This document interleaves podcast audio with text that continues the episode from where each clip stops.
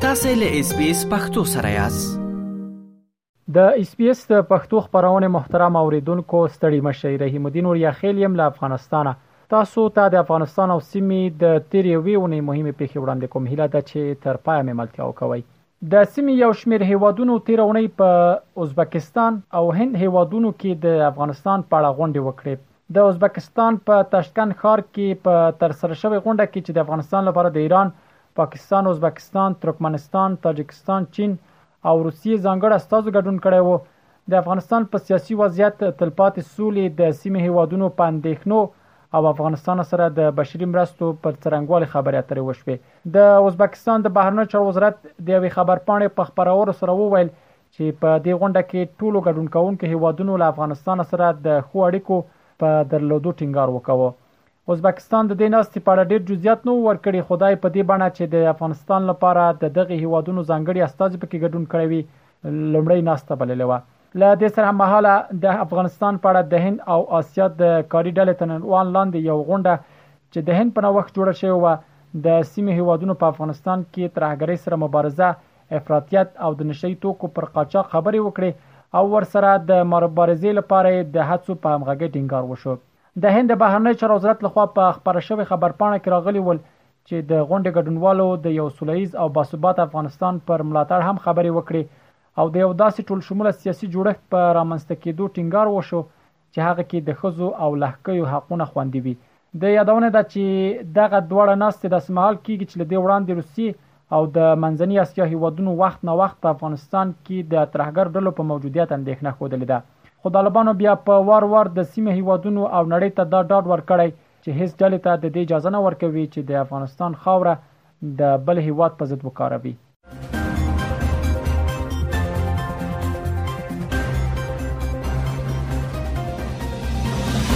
اروپايي ټولنې تېره اونۍ د ښځو نړیوالې ورځې په درشل کې د طالبانو د لوړو زده کړو او امر بالمعروف په وزیرانو بندیزونه ولګول د طالبانو د حکومت دغه دوه وزیران شیخ ندا محمد ندیم او شیخ محمد خالد نومیږي او دا دواړه د هغو بنسټونو په مشرۍ کې دي چې پرونجونو او خوځو لګیدلو بندیزونو کې رول لري د اروپאי ټولنې د بندیزونو لمخې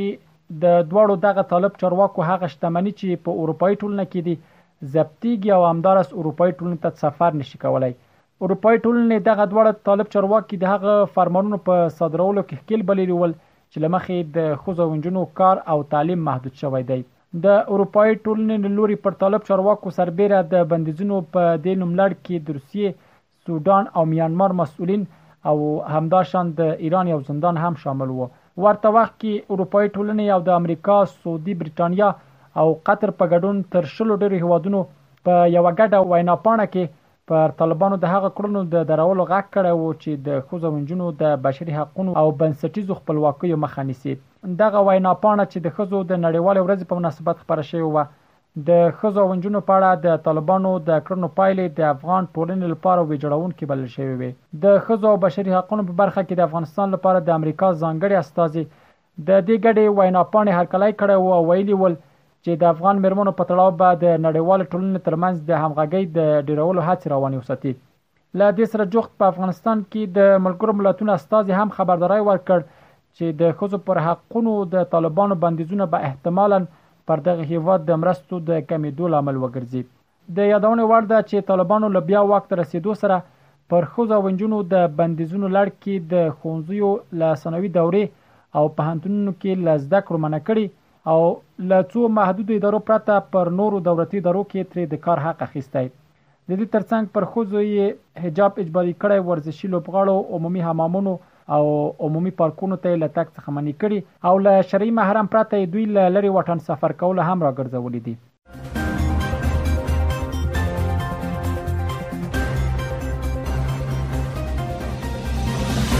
د ملګرو ملتونو سرمنشي انټونی کوتریش تیرونی وویل چې دوی په افغانستان کې درويشت فعال وسلوال ډلې ثبت کړي دي چې اوس هم وسلوال فعالیتونه لري هغه د ملګرو ملتونو د امنیت شورا ته په وینا کې د دې خبرې ترڅنګ دا هم وویل چې د افغانستان امنیتي وضعیت تر پخوا ډیر خراب شوی دی ګوترش وویل چې د دغو وسلوالو ډلو درې هغې مقاومت جبهه د افغانستان د ازادۍ جبهه او د افغانستان د خپلواکۍ ملي اسلامي تحریک دی چې د کابل په ګډون په ځینو ولایتونو کې د ډیرو بریدونو مسولیت په غاړه اخیستی دی د نوموړي د معلوماتو پر بنسټ د 2022م کال د نوومبر له 14مې د 2023م کال د جنوري تر 11مې پورې د جګړې اړوند امنیتي پیښو او ملکي تلفاتو په مجموعي شمېر کې زیاتوالی راغلی چې د دوه زره او یوویشتم او دوه زره او دوه ویشتم کلونو د همدې مودې په پرتله زیاتوالی ښيي. د ملګرو ملتونو منشي وویل، یوازې په دغه نږدې دریو میاشتو کې افغانستان کې دوولس سوه او یو امنیتي پېښې ثبت شوي، اما دا کچه تېر کال په همدې موده کې یو زرو اتیا اتیا پېښې وې. د طالبانو حکومت بیا دغو ټولو اندېښنو ته په ځواب کې دغه ډول ادعاګانې ناسمې او له حقیقته لرې بولي طالبان وايي، په افغانستان کې هېڅ وسله واله ډله خلکو او دوی نظام ته خطر نه شي پېښولی. اما ملګري ملتونه داسې مهال په افغانستان کې د امنیتي پېښو د زیاتېدو خبره کوي چې یوازې د مارچ په نهمه کابل او بلخ کې دوه بېلابېلې چاودنې وشوې چې په ترڅ کې پنځو کسانو ته مرګ ژوبله واوښته.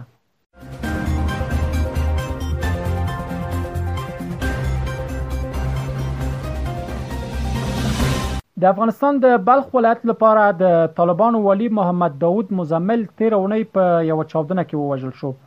دغه چاودن دغه چاودنه د تیر اونۍ د پنځشنبه په ورځ هغه مهال وشوه چې د طالبانو دغه لوړپوړي چارواکي